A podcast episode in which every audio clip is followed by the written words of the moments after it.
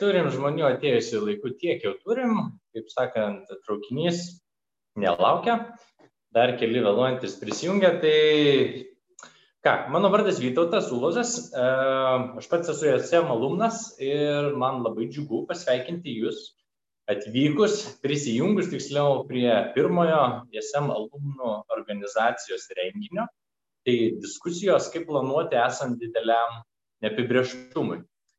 Kaip tikiuosi žinote, šiemet įsikūrė JSM alumnų asociacija.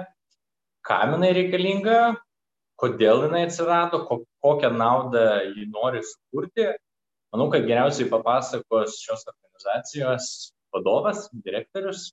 E, jums tikiuosi irgi gerai pažįstamas žmogus, e, mėgstantis pasivaikščioti. E, taip toli kartais, kad net pernai šilniaus į Tbilisinoje.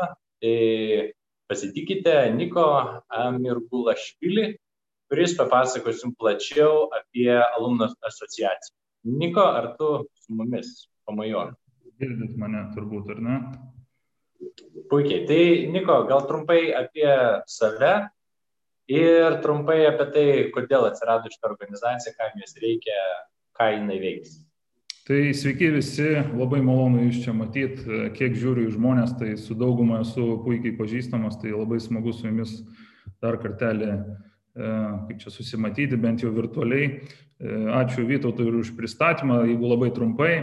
Tai e, šiemet turbūt girdėjot, kad įsikūrė ISM alumni organizacija tikiu, kad daugelis jautėt, e, mes, mes su kolegomis, su kuriais vėliau irgi turėsit galimybės, galimybę susipažinti, na, pajutėm tiesiog šiokį tokį vakumą, kad, na, e, turime mes nuostabių žmonių, kurie baigė šį nuostabų universitetą ir tiesiog nesinori pamesti to ryšio, o, o tas bendras ryšys mums daug dalykų gali atnešti.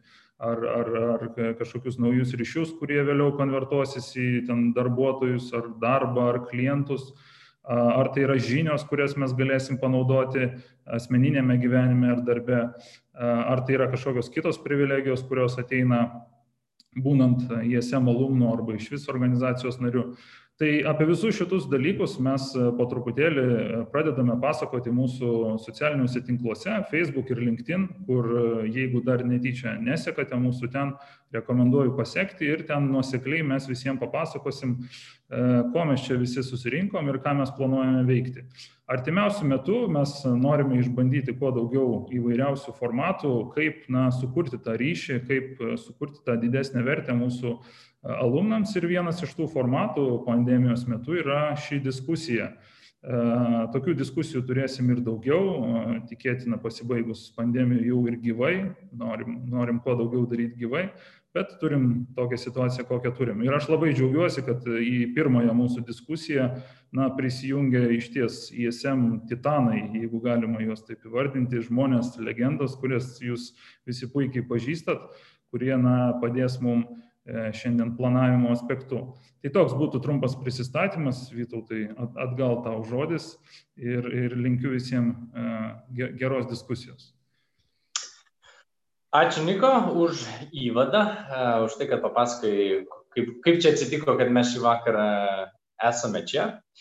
Tai nežinau, kaip jums sekasi karantinas visiems, bet tikiuosi, kad sekasi neblogai, tikiuosi prasmingai leidžiate savo laiką, o kad jis būtų dar prasmingesnis, tai va, beldžiamės mes pro jūsų e, kompiuterio ir telefono ekraną, langą į jūsų namus e, ir tikimės, kad atnešim kažkokią naudą e, arba bent jau gerai praleisim laiką.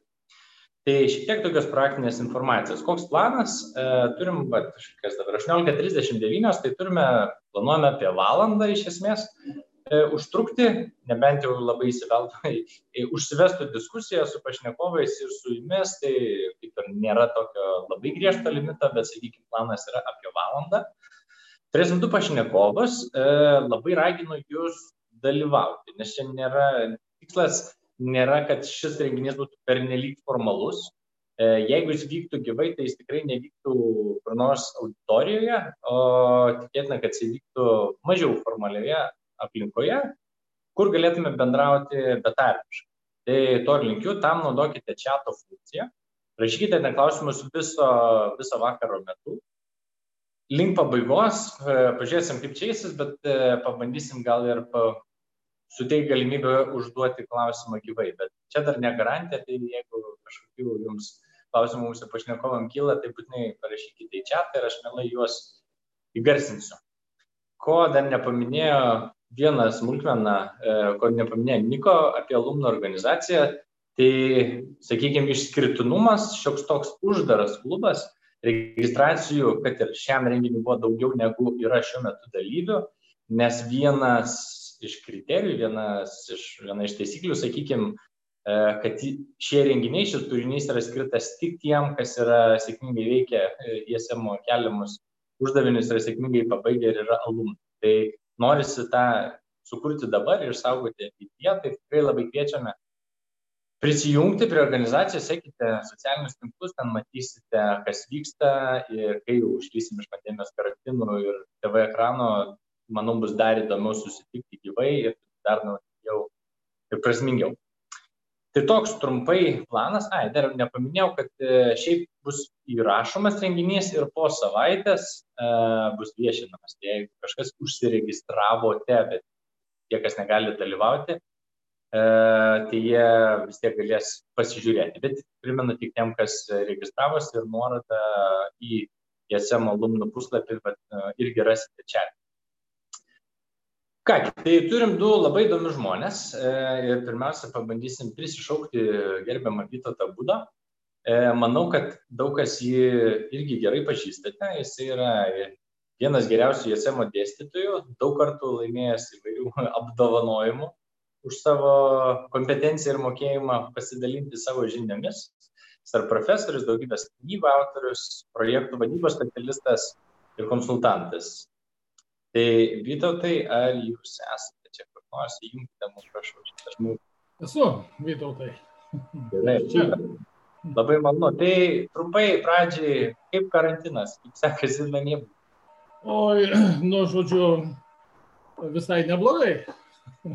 Su draugais e, mažesniam burelį negu penki žmonės palošiam kortom, pasivaikštom uh, Niko takais šimtą kilometrų aplink Vilnių, aišku, mes tiek neišnešam. Vat gaila, kad Danukį Ona neduoda pa, pažiūrėti, nes saugomus. Tai va taip ir eina. Anukė nuo jūsų ar jūs nuo anukų? ne, vat atrodo, kad mus saugo nuo anukių. super. Gerai, super. Ir turim antrą pašnekovą, tai Alfredas Chmeliauskas.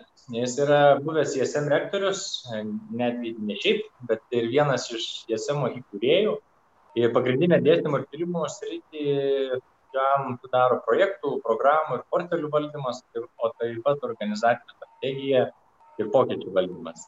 Čia galėčiau daug daug pasakoti, šitie žmonės turi daugybę titulų ir daugybę įdomios patirties, bet e, šiam kartui apsistosiu ties, ties tiek informacijos ir Alfredai, ar jūs mus matote ir ar puikiai girdite? Taip, sveiki, sveiki. Matau, girdžiu puikiai, tikiuosi, kad jūs mane girdit ir matot neblogai. Puikiai matom, puikiai girdim, tai irgi trumpai, kaip, kaip karantinas, kaip tie namai, kaip leidžiat laiką. Ačiū, kol kas gyvi ir sveiki čia visi namiškiai, tai leidžiam laiką daugiau tokiam užmėščio namelėje, nes čia galiu nepažeisdamas jokių tvarkų išeiti pasivaikščioti su šunim be kaukės, nes aplinkui žmonių nesutinku Jeigu būtų diena, tai parodyčiau, kas už lango, čia visiškai netoli nevėžys teka, tai vaizdas gražus, bet dabar nieko nepamatysit. Tai, tai va. Supratau, tai judam prie mūsų temos. Šios diskusijos tema, rėmas yra toks, kaip planuoti esant dideliam neapibrieštumui. Tai ir mes su Niko diskutavom, kaip, kaip čia, kokie, kokiu kampu pasižiūrėti šitą klausimą, šitą temą ir nusprendėm, kad aktualiausia būtų nepaisant to, kad judviejų patirtis yra labai susijusi su organizacijom, su įmonėm, labiau žiūrėti šį vakar per tokį asmeninę prizmę, per mano kaip žmogaus, kaip šeimos nario, e, kaip galbūt darbuotojo, organizacijos tam tikro vadovo, tai labiau per asmeninę prizmę.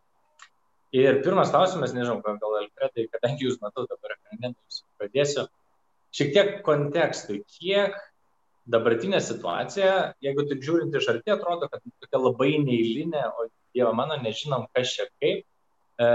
kas čia kaip vyksta, neįmanoma planuoti ir panašiai.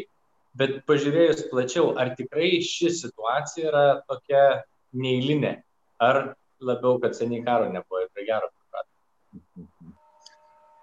Žinot, turbūt visi, kurie kada nors esam atsivertę kokį istorijos knygą ar vadovėlį, tai suprantam, kad na, ta situacija tampa neįlinė tiems, kurie tuo metu gyvena.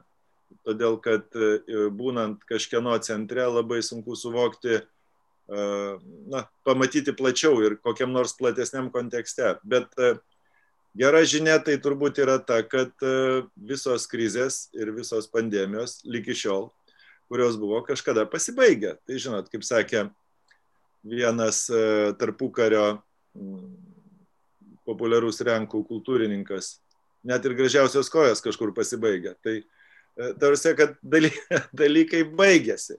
Dalykai baigėsi. Tai mes prisimenu, kad su Vytautu studijų metais kadangi išskirtinai gerai jau tuo metu žinojom anglų kalbą, tai tuometinis mūsų dėstytojas mus atleido nuo užsiemimų, bet mainais mums davė, nu visada viskas išvirsta į žymiai sudėtingesnį dalyką, versti e, matematikos istoriją, kuri buvo tokia labai gražiai išleista, tokios ilgo kaspino pavydalu, plataus tokio kaspino. Ir ten matematikos istorija buvo mm, įdėta į, na, į visuotinės, į pasaulinės istorijos e, tokį rėmą. Tai ir versdami ten tą, tą istoriją aptikom daug tokių baisių dalykų žmonijos istorijoje, taip sakant, žmonijos raidoj. ir e, e, Maras, kurio ten, atsimenu, turėjom problemų su to anglišku žodžiu tenai e, vertimų ir, ir taip toliau ir visokiausiai, bet jie pasibaigia. Kai kam pasibaigia visai neblogai. Nu, tai, žinot, ir, ir kitas dalykas, mm, pasibaigė, pasibaigė pavyzdžiui ir 2007-2008 metų ekonominė krizė, ji baigėsi. Tai nereiškia, kad įmonės, kurios tada dirbo, na, galėjo visiškai neplanuoti ir stačia galva pasileisti, taip sakant, kas bus, tebūnie. Žinot, tai taip nėra.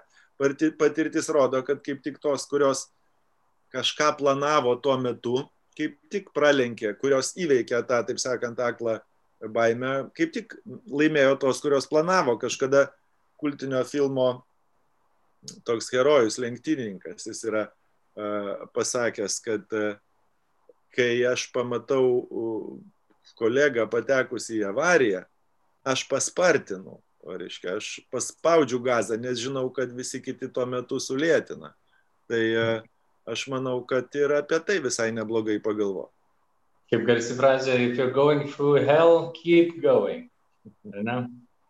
Uh, Vytautai, jums klausimas. Uh, minėjau, kad labiau norim per asmeninę prizmę žiūrėti, bet toks mažas nuklydimas irgi kontekstui per organizacijų prizmę. Tarkim, 2020-ieji, lyginant su 19, 18, 17, kiek vat, iš organizacijų perspektyvos skiriasi? Ar pasikeitė jų ten, tarkim, planavimo laikotarpis?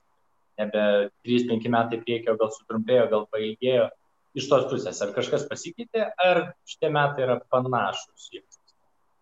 Žinai, negaliu atsakyti tavo klausimą, nes, nes žodžiu, per šitą šitą laikotarpį atitolau nuo organizacijų. Mhm. Ir iš tikrųjų tik dvi organizacijos liko man taip daugiau mažiau artimos ir, ir pažįstamos. Tai, tai reiškia ISM ir vadybos sprendimų centras. Tai uh, matau, kad ISM. Taip. Kaip, kaip pasikeitė? ISM nepasikeitė. Planavimas gal netgi, jisai sakyčiau, pagerėjo, nes dėstytojų pradėta ieškoti ankstėliau. Matyt, kokių, e, kokių porą, porą mėnesių, nu pusę semestro e, anksčiau, negu, negu prieš tai būdavo ieškoma. E, tai va toks, toks skirtumas. O, o, o reiškia, vadybos sprendimų centro reikalai nu, tiesiog smarkiai pagerėjo.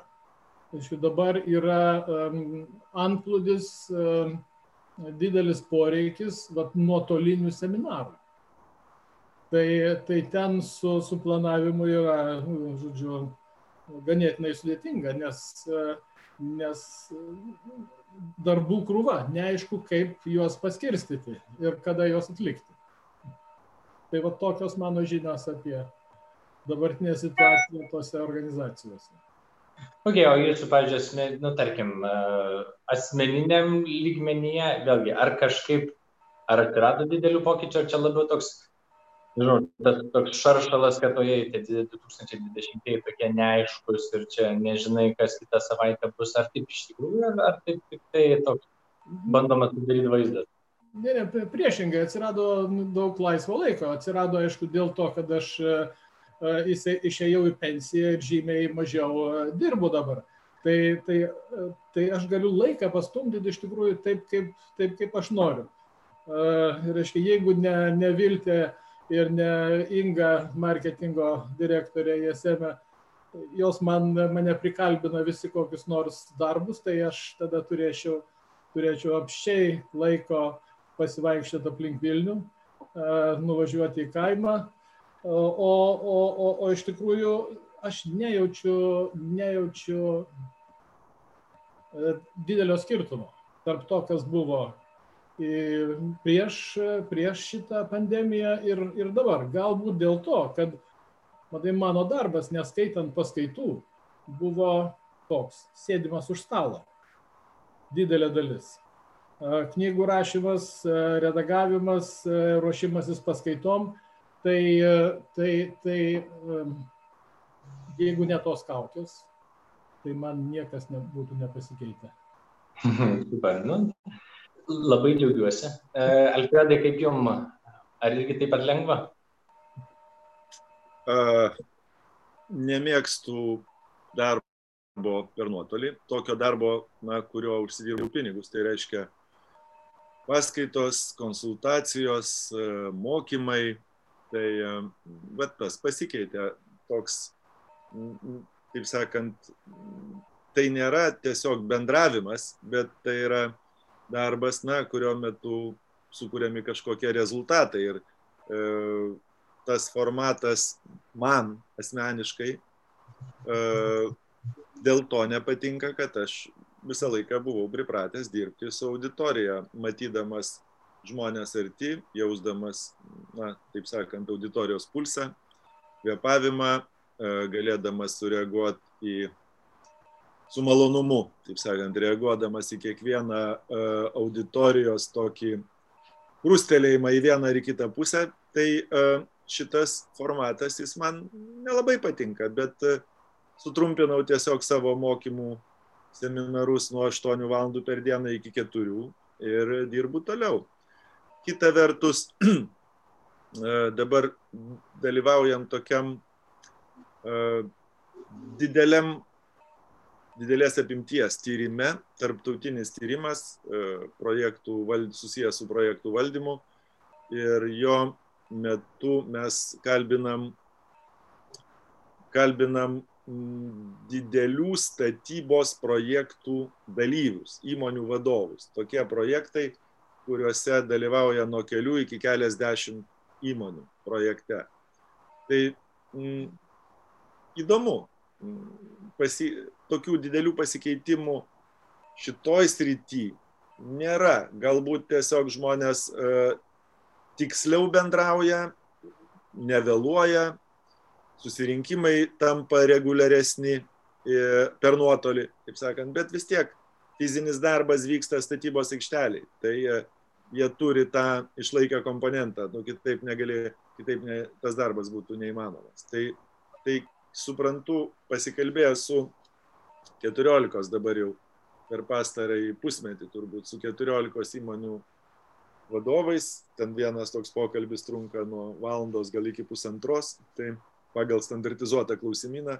Tai galiu pasakyti, kad e, labai nedaug buvo kažkokių tai tokių uh, kažko, kažko pasakyta ar nedaug kažko išgirdau, kad staiga va, šitie uh, pandemija būtų kažkaip itin reikšmingai paveikus tuos didžiuosius statybinius projektus. Pratęsim tą temą apie didelius užmojus. Tarkim, statybos sektorius, sakykime, sakot, gal nelabai paliestas. Labai paprastas gyvenimiškas pavyzdys. E, bičiuliai mano planuoja kitais metais tuoktis. Ir dabar atrodo, jau toks, tipo, planuojam kitai vasarai didelį renginį, atrodo šiek tiek absurdiškai, nuo ko pradėti. Ar nežinai, kaip, kokia bus žiema, pavasaris, kokia, kokia ta situacija bus, ar jau bus išspręsta ta pandemija, o gali būti, kad gal bus dar blogiau negu dabar. Ką patartumėt, pat, pažiūrėjau, tokioje situacijoje, tebūnė, nu, čia kaip vienas pavyzdys, bet kažkokie didesni užmojai, planai, kur nepasidaro per vieną dieną, kaip planuotis, ar jiems reikėtų turėti, nežinau, tris variantus ABC planą, ar nuo ko pradėti, ir ar geriau iš vis gal nukelti, gal palaukti, kaip bus iš tikrųjų ramiau, kaip jiem, tarkim, elgtis. Alfredai, čia jūs, jo, arba, arba kas geriau čia iš mano vestuvių temų. gerai, gerai, jūs pasakykit, nes e, mes abu pulsim kalbėti vienu metu arba tylėsim. Tai, tai ne, čia viskas priklauso, žinot, e, yra, yra planai ir yra planai. Tai uh,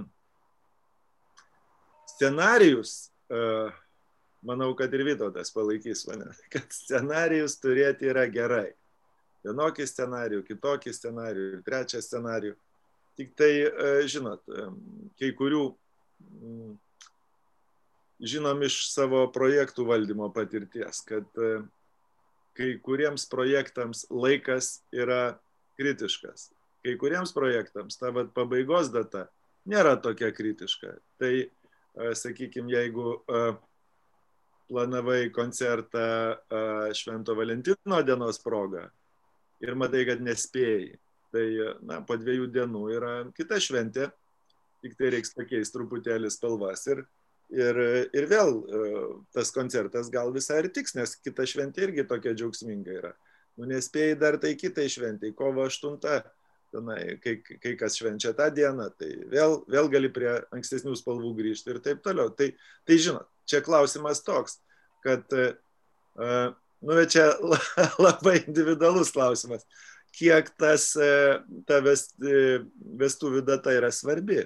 Žinot, jeigu, jeigu, jeigu data yra svarbi, nu, tai tada, žinoma, tada mes turim pasakyti, kad taip, kad ir kas būtų, bet tą dieną vienokios ar kitokios vestuvės įvyks. Jeigu data nėra labai svarbi, jeigu tai yra labiau simbolinis toksai dalykas, tai nukelt visada galima. Žinot, čia toks, čia prie kuriam tipui uh, skirsim šitą, šitą projektą. Ar čia yra toks uh, projektas, kur uh, svarbiausia laiku, ar svarbiausia gerai, ar svarbiausia biudžeto ribose, žinot. Tai niekada visos trys dedamosios vienodai svarbios nebūna. Tai nuo to ir turbūt priklausytų. Vita, tai ką galėtumėt pridurti? Čia um, tiesiog, kai sakėjai, kalbėjai apie vestuvės ir apie tris e, planus A, B ir C, tai kažkaip man šovė mintis, o kas tie A, B, C planai? Ar e, trys nuotakos, ar trys jaunikiai? Tai, e, bet iš tikrųjų, tai aš sakyčiau, kad reikia daryti. Jeigu mes tariam, kad tos vestuvės turi vykti, tai reikia joms ir rengtis.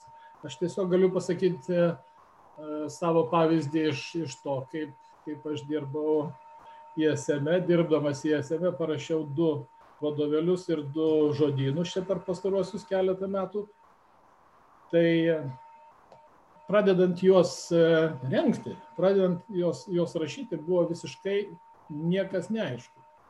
E, galbūt buvo aiškus šiek tiek turinys tų vadovėlių, bet svarbiausia buvo neaiškus nei finansavimas, buvo neaišku, ar juos išleis kada nors, ar jų reikės kam nors, ar juos pagaliau nupirks kas nors tuos vadovėlius. E, tai, tai žodžiu, iš visų šitų dalykų aiškiausias buvo turinys. Ir tai yra didelis neapibrieštumas, jis, jis, jis gerokai žlugdo norą rašyti, daryti, bet kažkodėl man, man, man tas noras ne, ne, nežlugo. Ir aš juos parašiau, išleidau, vieno žodino išėjo ir antras leidimas ir viskas buvo išpirkta. Per, per, per metus matyt, visos tos knygos išėjo, nu beveik čia reikia sakyti, akimirksniu. Tai, tai, žodžiu, jeigu yra aiškus tikslas, tai jo reikia tvirtai ir siekti.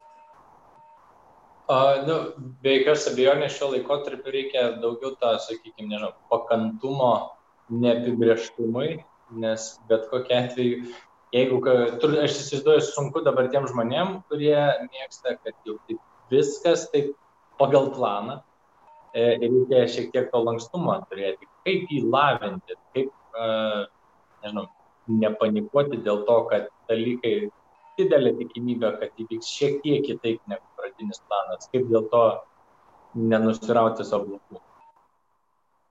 Nu, čia, čia galima būtų paimti pavyzdį apie Agile, žodžiu, tą lankstų į projektų valdymą, kur, žodžiu, pradedant projektą, yra apibrėžiami tik tai patys artimiausi darbai savaitės maždaug trukmės darbai. Ką tu nori e, sieki padaryti per savaitę.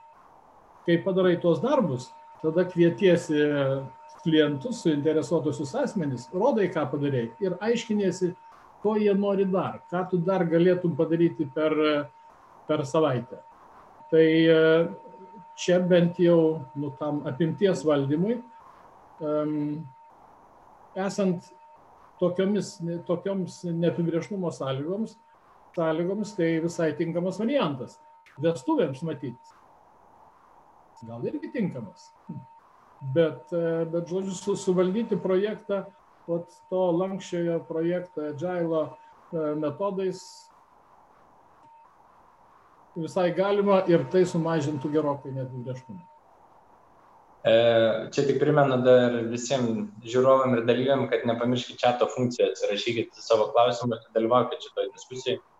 Pratęsant tai, ką pasakėt, tai reikštų, kad toks, sakykime, Agile projektų valdymo metodai dabar yra tinkamesni iš esmės, tai savo laiką planuotis, tai reiškia labiau žiūrėti tas laikotarpis planavimo logiškiausias dabar. Savaitė, labiau negu mėno, ten pusę metų ar metai, kas dabar yra tas logiškiausias laikotarpis?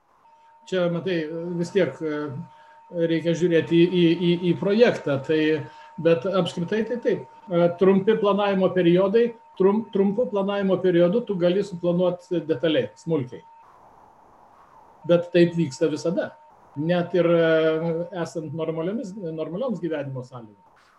Bet dabar matyti, tai, tai, tai galėtų būti ypač tinkamas būdas. Alfredai, gal jūs kažką pridėtume dėl to optimalaus planavimo laikotarpio? Ar jisai pasikeitė šiemet, ar koks jisai dabar yra geriausias, kaip suprantu? Ar pritarėt nuomonį, kad savaitę į priekį planuojam, o po savaitę jau pažiūrėsim toliau?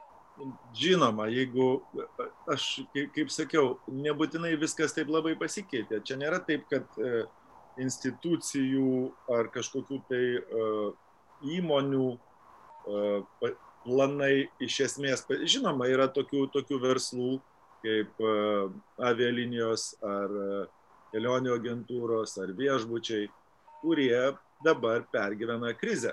Nu ir, e, žinot, čia kriziai tai per daug nepriplanuosi.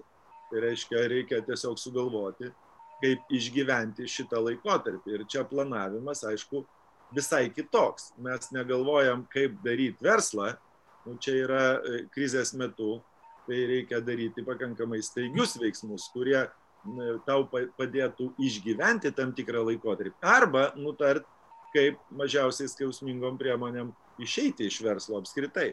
Visam laikui ar laikinai ir taip toliau. Ir ta, to, aš manau, pakankamai pamokė, vat, mano minėta anksčiau 2007 ir 2008 metų krizė, kai E, įmonės, su kuriomis mes kaip konsultantai dirbom. Vienos iš jų iš viso išnyko iš žemėlapio, kitos iš jų uh, išliko, bet perėjo prie, sakykime, visai kitokių projektų, žymiai mažesnių projektų, bet jos išgyveno ir taip toliau. Tai be abejo, ne, jeigu jau dabar, tai čia vienas dalykas yra įmonių gyvenimas nulemtas ne tiek pačios pandemijos, kiek jos makroekonominių pasiekmių. Kontekstas pasikeitė, kai kam išvirto į krizę. Tai čia vienas dalykas. Tai krizės jos, kaip sakiau, jos baigėsi. Bet krizės metu planavimas jisai tampa iš vis kitoks, nes to planavimo objektas tampa visai kitas.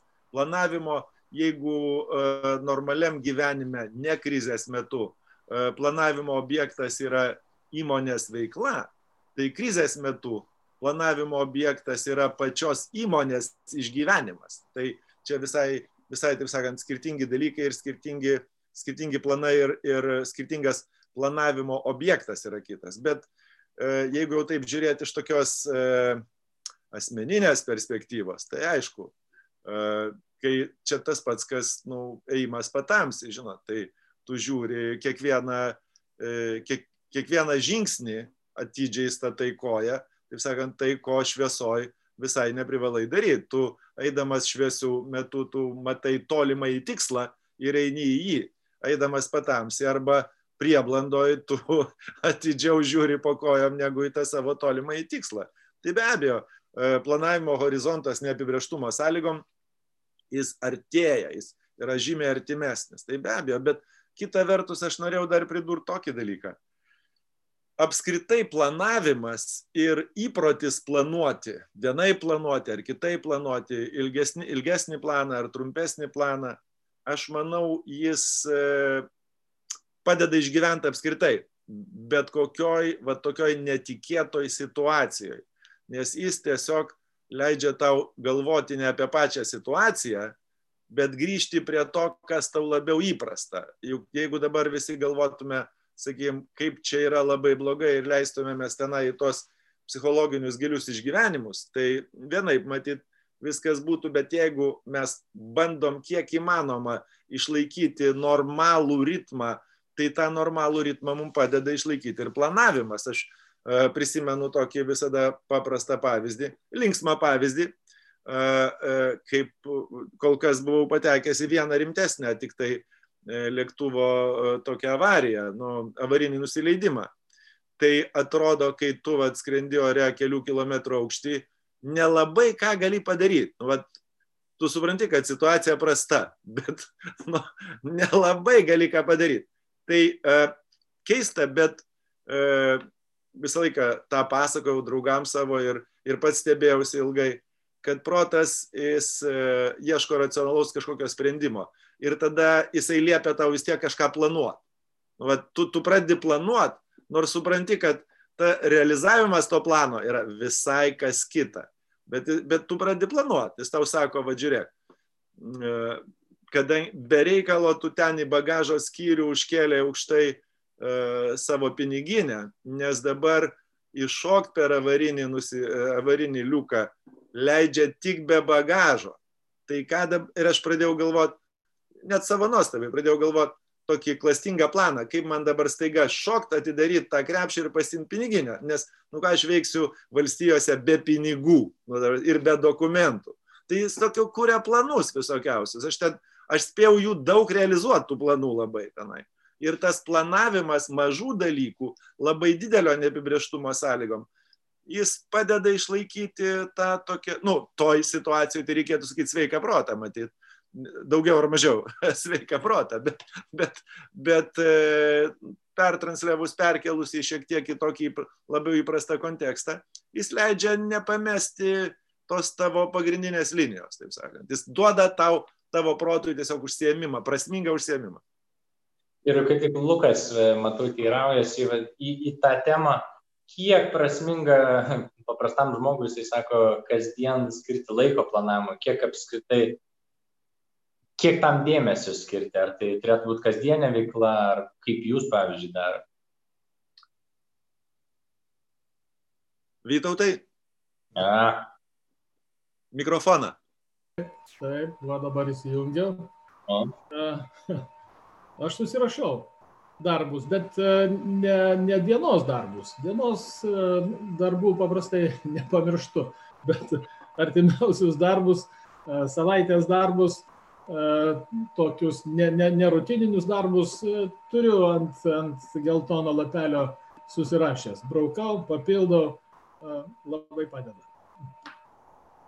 Alfredai, ar jūs paaišot rašot, ar turit kokį nors... Žinoma, rašau, žinoma, rašau. Tiesiog, kadangi vis tiek toks darbas, jis, na, aš paprasčiausiai matyt nepaėgiu prisiminti, nes jeigu dabar pasižiūrėčiau į savo užraš į kalendorių, tai matyčiau, kad kažkokie darbai yra turbūt iki kokio kovo mėnesio, net jų rėtėja tų užrašų ten, kuo laikas labiau tolsta, to, kuo ta data tolimesnė, tuo tų darbų rėtėja. Bet e, aš tai pripratęs, aš tuos darbus, kiekvieną darbą, kuris yra užplanuotas ir numatytas, kai kurie pas mane įrašyti su klaustuku, kai kurie su šauktuku, kai kurie be nieko. Tai nu, man tas padeda, bet čia aš stengiuosi neperlenkti lasdos, aš e, planuoju tik tai e, rimtesnės atsakomybės ir įsipareigojimus.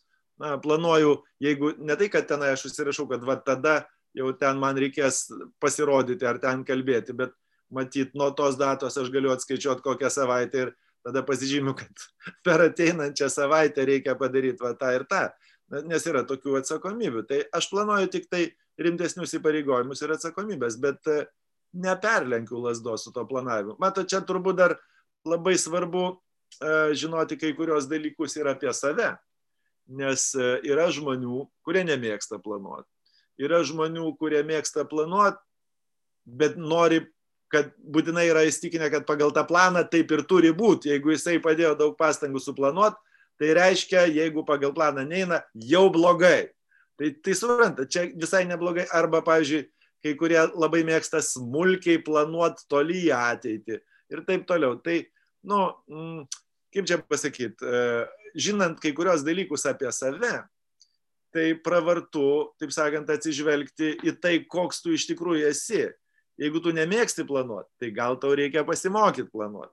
Jeigu tu esi tas e, pedantiškasis e, naivuolis, kur galvoji, kad labai smulkų planą padaręs, gali tikėtis, kad pagal tą planą ir vyks, tai gal tau kaip tik reikia atsisakyti, truputį pradėti mažiau kurti planus, kurie būtų mažiau detalesni ir taip toliau. Čia labai individualus dalykas. Čia ta, mm, svarbu, svarbu žinoti ir kaip tu atrodai atžvilgių planavimo, koks tavo santykis apskritai su planais. Nes jeigu nemėgsti planuoti, nu, tai laikas pradėti. Jeigu labai mėgsti, gal reikia truputį atsisakyti ir paklausti kitų draugų, o ką jie daro ir taip toliau. Čia nėra tokio, tai dabar jau, tai žinot, nuo ko mes pradedam, kas yra ta na, atskaitos taškas, nuo vat, vat koks tu esi šiandien, tai kurią pusę, ar daugiau planuoti, ar mažiau planuoti. Matyt, kad praktika yra tas e, rodiklis, kaip tau sekasi. Mhm. Turim klausimą nuo Manto Badikonio. Jisai teiraujasi, kokį sprendimų e, prieimimo procesą rekomenduotumėt krizės metu? ir skliaustuose prideda informaciją, kad įmonės veikla visiškai sustabdyta. Tai kaip krizės metu kokį sprendimo prieimimo procesą rekomenduoti? Čia Alfredui klausimas. Trumpai pasakysiu, gerai, trumpai pasakysiu, lab, lab, pasistengsiu labai tiksliai atsakyti, nes bet pasiremdamas vėl 2007-2008 metų e, tos krizės e, tokiu vienu pavyzdžiu. Taip tiesiog išėjo, kad e, tuo metu tyrėjams apskritai krizės toks neblogas dalykas, nes nu, jie gauna šansą kažkokį, žinot, kaip ir dabar, aišku, ir taip toliau. Tai ir tada buvo, mes turėjom tokią galimybę pažiūrėti vieno konkretaus sektoriaus įmonių veiklą. Mes ke, keliam tokį klausimą, kaip pasikeitė jų strategija per 2007-2008 metų krizę. Tam sektoriui 28 įmonės iš viso dirbo Lietuvoje, toks, nu, toks jisai keistas inžinerinis sektorius. Toks. Tai uh, 28 įmonės, kas aš net neįsivaizdavau, kad jų tiek daug gali būti tokiam, tokiam keistam sektoriui Lietuvoje, bet aš taip būčiau sakęs, jeigu kas būtų paklausęs, kokios 3 ar 4, bet jų pasirodė 28. Ir mes tada paėmėm patį tokį bendriausią nu, strategijų spektrą. Ir jau taip smulkiai ten tas strategijas išdėliojom, kad gavom 16 skirtingų strategijų. Va tokių 16 skirtingų tipų. Nu ir e, aišku pasirodė, kad beveik visų tų įmonių, va 28 įmonės, tai ten tarptų strategijų tipų buvo toks vienas, toksai viena tokia klasė, kurioje buvo ten kokie šeši tipai strategijų, bet visi jie maždaug apie tą patį. Ten veiklos peržiūrėjimo, kaštų taupimo, bankrotas kaip irgi strategija. Suprantama, nu, nes ir, ir bankrotas, tai, kaip sakant, mūsų konotacijoje, mūsų kultūroje tas bankrotas turi tokias neigiamas konotacijas. Nu, bet, sakykime, nebūtinai visur taip yra, ten, kur valstijose gerai subankrutuot, tai daug apie tai jokų ir anegdotų prikurta. Tai uh, kartais dar geriau. Tai žodžiu, tai, nu ir tai pažiūrėjom tiesiog grafiškai, kaip keitėsi strategijos tų 28 įmonių. Tai vien, tiek, ką parodė, vat, įdomiausias rezultatas yra toks. Aišku, kai kurios bankrutavo, kai kurios ten puolė taupyti kaštus ir taip toliau. Bet įmonės, kurios iš to išėjo sėkmingiausiai, jos padarė tokią prielaidą, kas galvokim apie tai, kas bus, kai krizė pasibaigs. Vat įsivaizduokim, kad po krizės likom tik mes. Ir ką mes tada darom. Įsivaizduojat? Tai vat, ne, ne viena ten buvo tokia įmonė, bet jų buvo labai nedaug. Iš tų 28 gal kelios įmonės tik tai ir jos kažkaip, ar čia atsitiktinumas, neaišku, bet kaip sykis va tos įmonės geriausiai išėjo iš krizės, nes jos aiškiai savo pasakė, kad įsivaizduokim, visiems blogai, nu žinot, visiems blogai, 28 įmonė blogai, bet šitos kelios įmonės, kurios gana sėkmingai iš to išėjo, jos e, formulavo tą klausimą taip. Vat, įsivaizduokim, kad po krizės likom tik mes. Tai ką, ką mes darom? Tai vat, vat aš tą ir galiu labai, manau, kad čia labai tikslus receptas. Nebūtinai jisai garantuoja sėkmę, bet bent jau, e, nu, geras pavyzdys, tas pasitvirtino ir e, todėl galiu pasiūlyti. Bet tai yra labai tikslu, tikslus, tiks, tiksli rekomendacija, ne tokia, kad, nu, žiūrėkit, laikykitės. Ne, jinai yra tokia pakankamai apibriešta, kaip suprantat. Įsivaizduokit, po krizės liko tik jūs. Tai ką šiandien galit padaryti? Tam, kad pat krizė vis tiek baigs. Super, labai, labai geras, labai tikslus patarimas. Uh, bandau įgarsinti. Jį galima, o, klausykite. Jį galima tiesiog pridėsiu trumpai. Šiandieną perskaičiau straipsnį apie Vizeirą, tai ten interviu su vadovu. Jie daro lygiai tą patį. Jie dabar perka lėktuvus ir plečia bazę, galvodami apie tai, ką jie darys, kai, kai pandemija baigs. Gerai, super. įsivaizduokim, kad išgyvenom, tai kas toliau. Ok, turim e, klausimą nuo Petro Lenkučio. E, toks sudėtingesnis, ilgesnis, tikiuosi pavyks. Ar esate susidūrę su effectuation logikos taikymu? Ir jis klausia, ką manote apie effectuation logikos taikymą kaip alternatyvą planavimui šiuo, sakykime, kriziniu laikotarpiu? Ne, nežinau, kas tai yra. Delfio dėsninga garsą. Gerai, tai mes gal pabandysim tada uh, vėliau paprašysim Petro prisijungti, gal jis plačiau pakomentuos. Už, keletą. Dar Luko yra vienas klausimas aukščiau. Taip, Lukas, e, ką daryti su didžių darbais, e, mažiau skupus ir mažiau reikšmingi? Čia, kaip suprantu, apie rūšiavimą, ne, ne iki galo, nesu tikras, kad teisingai suprantu klausimą. Jeigu, žodžiu, mano atsakymas labai paprastas. Jeigu gyveni savo malonumui, daryk tuos nice studijų darbus, nes tų kitų, kurie yra nenais, gal ir nereikės daryti. Ką gali padaryti rytoj, nedaryk šiandien, nes gal iš viso nereiks. ne, tai, žinot, yra tokia, jau jeigu tokia, e, na, jeigu galvoji, kad visiškai nuo tavęs niekas nepriklauso. Visiškai. Tai nu, yra tokia dar e, strategija.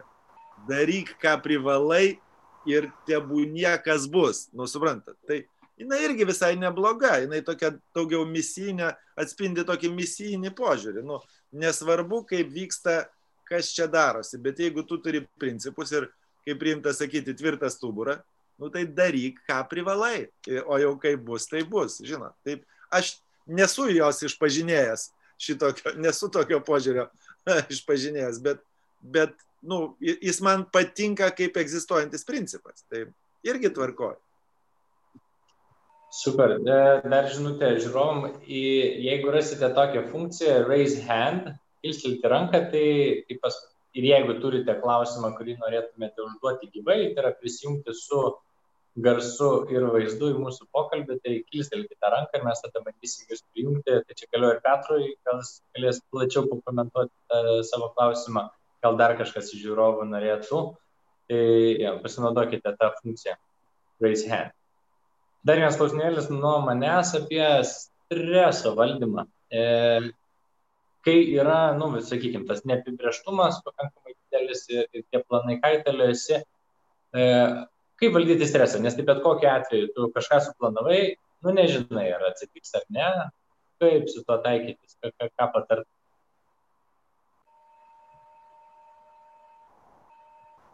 Įjunkit garsą, kuris nors bus paprasčiau. Vytau, tai gal tu?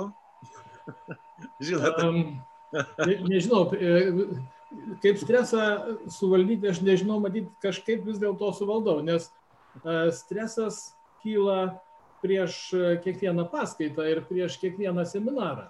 Um, apie seminarus tai aš turiu labai gerą vaistą, vaistą matyt, kuris padeda E, yra tokia mantra.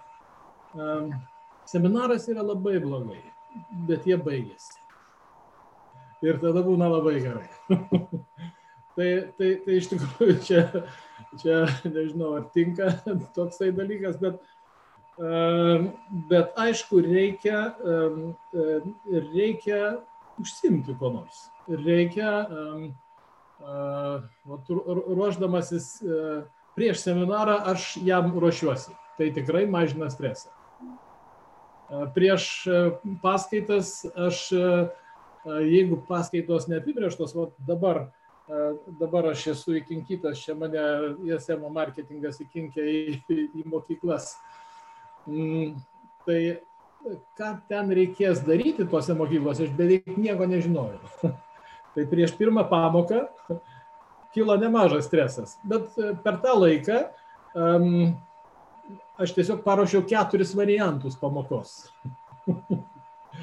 Arba vieną ilgą keturgubą pamoką, iš kurios man reikėjo tik tai, tik tai vienos pamokos. Bet aš daviau studentam pasirinkti, ką jie nori iš tų keturių temų. Bet, vat, e, žodžiu, tą laiką, tą laiką prieš tas pamokas, kai stresas kilo, aš nusukau į šoną darbo. Tai čia tuo pačiu atsakėte ir klausimą, kiek atsarginių planų reikia turėti. A, B, C ir D. Taip, tikriausiai. Um, o, pabėgo. E, kažką Alfredo norėjau klausti pa, pa, visai pabėgo mintis. E, ai, apie Pala, ar turim iš auditorijos? Ne, neturim. Tai jo, dar ir Hebra nepamirškit, galite užduoti. Ar atvilė, kaip tik klausia, kol man pabėgo mintis, kaimynai paveikslus kabina, numušė mintį. Dėkoju Radvilė pirmiausia už iniciatyvą ir laiką, kad jūsų skirta pasidalinimui, o klausimas toks. Planuojant ypač didelės apimties darbus, kartais tų užduočių vidų sąraše atsiranda per daug. Pasidalinkite patirtimi, kaip geriausia prie, e, sudėlioti prioritetus kaip atsirinkti iš tų visų darbų, kuriuos daryti, kurių ne.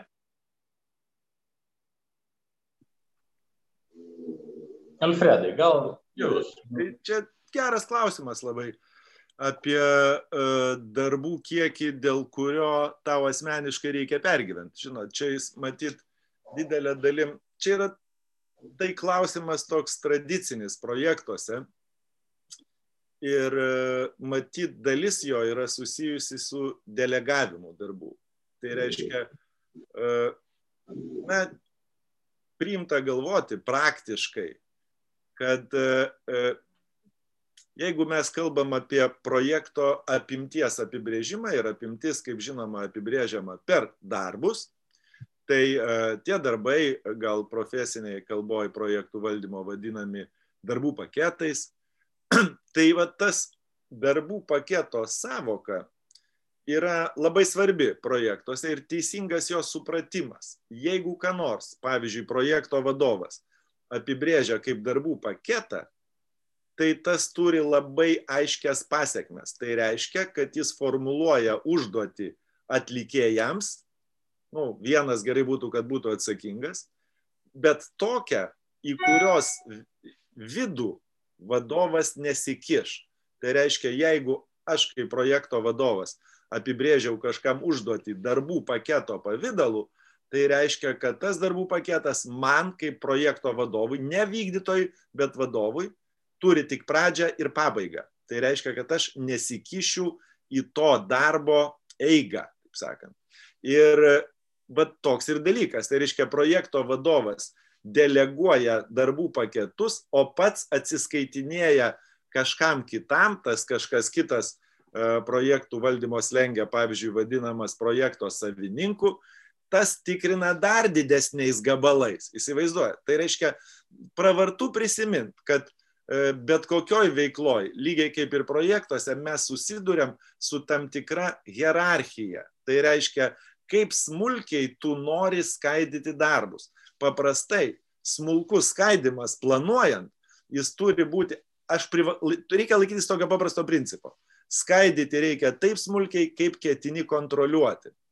Suprantat? Ir tada toks atsakymas yra labai paprastas. Jeigu tu esi žmogus, kuris gali duoti užduoti kitam ar kitiems, tai uh, tu deleguoji tą užduotį ir galbūt tau visai nėra reikalo kištis į tų, į tų darbų smulkiausius niuansus.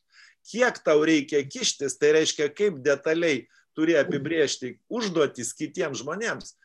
Čia jokių, taip sakant, taip smulkiai, kaip žadi kontroliuoti bet e, kaip šito išmokti? Tik iš patirties. Ir čia be patirties, čia patirtis tave išmoko. Jeigu tu supranti, kad pradedi deleguoti per daug didelius gabalus, taip sakant, daug ten yra darbų, bet tu deleguoji kaip vieną didelį kažkam ir e, pabaigoj būni nusivylęs, nu, ne taip. Po trijų mėnesių susitikai vykdytą ir matai, kad ne taip padarė tai tau sako paprastą dalyką tokia situacija, kad kitą kartą matyt reikės deleguoti mažesnius darbus. Įsivaizduojat. Ir vat kažkada tu laikui bėgant rasi tą balansą tokį ir išmoksi, kokio dydžio darbus reikia deleguoti. Ką tu turi daryti. Nes, žinot, čia tas klausimas, na, be delegavimo, jis beveik prasmės neturi. Nu, visi darbai namo statyboje, namas turi būti pastatytas, aišku bet kas dėl kokio dydžio darbo turi pergyvent, va čia jau kitas dalykas, įsivaizduojat. Jei būtų labai sunku įsivaizduoti, kad, e, reiškia, namo statybos projekte šito projekto vadovas eitų ir žiūrėtų, kaip kas vinį kalą.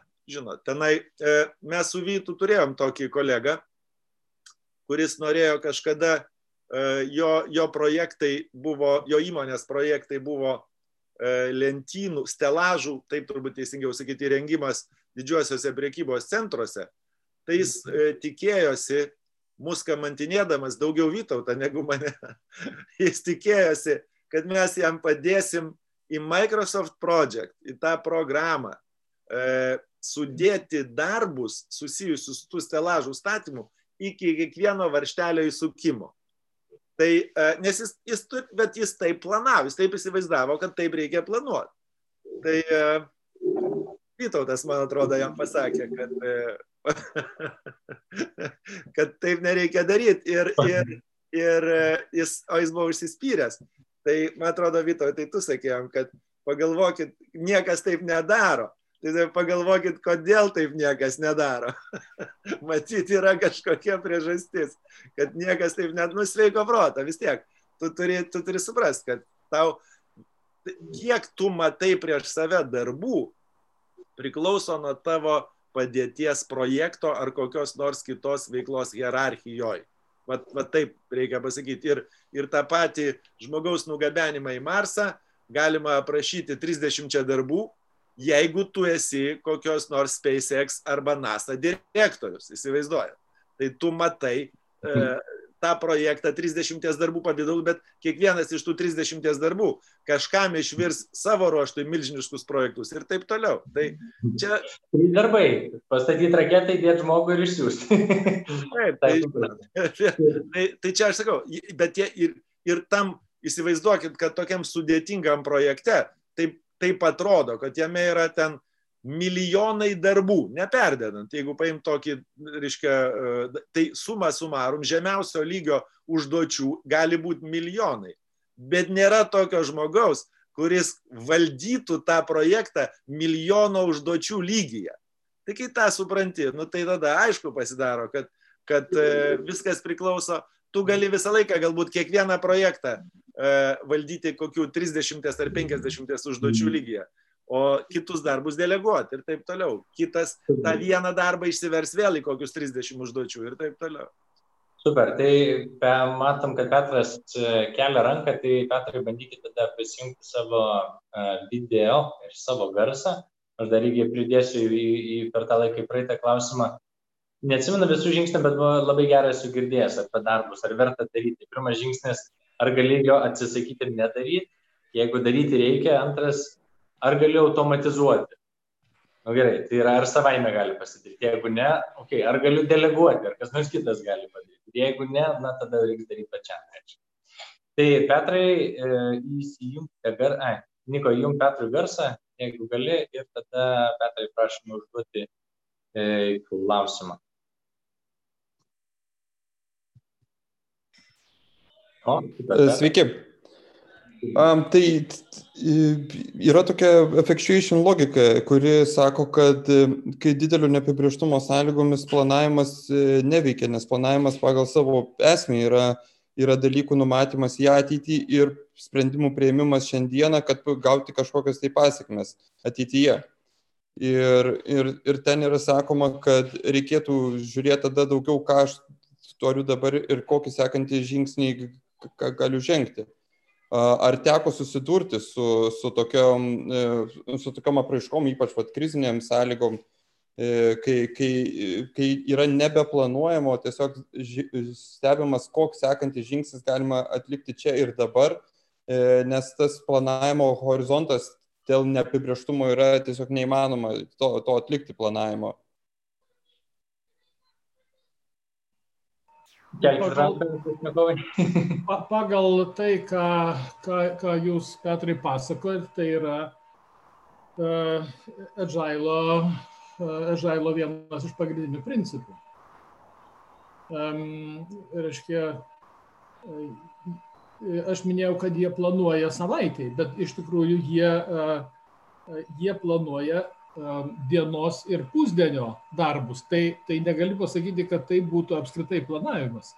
Jie uh, išsiaiškina, ką jie gali padaryti čia ir, ir dabar. Tai yra agilo principas ir, žodžiu, um, matyt, kad čia tinka ir tas angliškas žodis effectuation.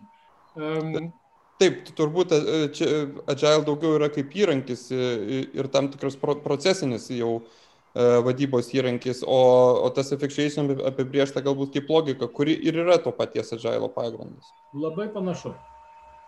Mhm, ačiū. Gerai, tai ačiū labai Petrai už klausimą, dėkui, kad prisijungėte. Kągi, tai toks tad mūsų pirmas blynas, man atrodo, ta valanda akimirksniu prabėgo, tai gal po paskutinį žodį, po palinkėjimą šiuo ne, prieš, didelio neapibrieštumų laikotarpį, e, kaip jį išgyventi ramiai ir produktyviai, gal kito tai turi porą žodžių ir patalpų. O taip, žodžiu, aš, jeigu galima tiesiog patarimą, kaip išgyventi. Neskaitykit samokslo teorijų. Gyvenimas yra gražus ir gražėjantis. Pirmin. Super, ačiū Vytautai Alfredai. Na, aš noriu su Vytautu dar pasišneku čia tą progą, apie, labai palaikysiu jo samokslo teorijų, nemėgstu taip pat, todėl kad e, nekartą įsitikinau, kad e, kažkokios e, blogos situacijos priežastis žymiai dažniau yra nekompetencija negu samokslas. Nes kai gerai pagalvoji, sudėtingą ir gerą sąmokslą padaryti, reikia labai daug sugebėjimų, ne, nekalbant apie kitus išteklius. Žinot, tai e, nereikia pervertinti e, žmonių galimybių, taip, tų sąmokslininkų galimybių. Dažniausiai tai, ką laikom sąmokslu, yra paprasčiausia kažkieno nekompetencijos pasiekmė, o ne samokslas. Tai, tai vienas dalykas ir aš irgi visada labai žiūriu taip e, linksmai į, į samokslo teorijas. Tik aišku, nereikia gal jų per, per daug jas gilintis, nes tai yra laiko gaišinimas. O, o palinkėjimas tai toks, e, irgi labai paprastas, nu baigsis vis tiek, vienaip ar kitaip baigsis, visi blogi dalykai baigėsi. Tai uh, reikia, čia yra, žinot kaip, aš va, dar, dar sėkiai grįšiu prie 2007-2008 metų krizės. Va tos įmonės, uh, apie statybinės įmonės dabar kalbėsiu, su kuriomis dirbau, tai įdomu tai, kad uh, tos, kurios turėjo stambius užsakymus, nu, tokius kaip panoramos to centro statyba, pavyzdžiui, ir taip toliau. Tai, nu, jie suprato, kad jų projektų portfelis pasikeis iš esmės. Vietoj penkių tokių uh, projektų portfelė jie uh, turėjo kokius šimtą projektų, bet tokių kaip uh, gyvenamojo namo rekonstrukcija Mariampolėje, pavyzdžiui, ir taip toliau. Tai tiesiog pasikeitė, bet jie ir man tas labai patiko dėl įvairiausių priežasčių, e, kaip suprasit. Jie daug investavo į mokymus tuo metu. tai, tai ir dabar skaitykite knygas, e, klausykite visokiausių podkastų, pavyzdžiui, kaip šitas, e, dalyvaukite visokiuose pokalbiuose ir paskiau turėsim apie ką pakalbėti gyvai susitikę.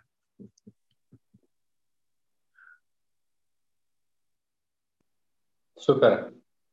E, tai ačiū labai, ar mane dar girdit, čia man čia biškai paskambina. Viskas gerai, ne? Tai ačiū labai už puikius palinkėjimus, man labiausiai patiko Alfredo sakinys, kad ten gražiausias kojas baigėsi.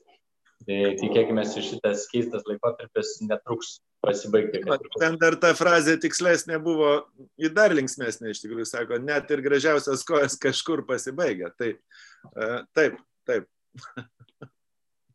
kad prisijungėte ir skiriate savo laiką. Tai Alfredas Miliauskas, ačiū Jums, Vytautas Puda. Didelis malonumas su Jumis praleisti vakarą ir pasišnekučiuoti. Ir žiūrovam, ačiū, kad jūs prisijungėte ir skiriate savo laiką. Kaip minėjau pradžioje, prisijunkite prie JSM alumno organizacijos puslapio, tai Facebook'e, LinkedIn'e, tai būtų pagrindiniai. Sekite naujienas, tikimės, kad šis vakaras jums buvo įdomus, labai vertintume grįžtamą į ryšį, tai parašykite Niko arba į puslapį. Kas patiko, nepatiko, pirmas bandymas, norisi būti kiek įmanoma naudingesniais ir, ir kad būtų bendra vertė iš viso to, tai labai vertinsim jūsų komentarus. O šią vakarą tada tiek. Dar kartą ačiū, kad prisijungėte visi ir iki naujų susitikimų kažkada netrukus. Ir tikiuosi gyvai. Ačiū. Visą geriausią. Sudėkit.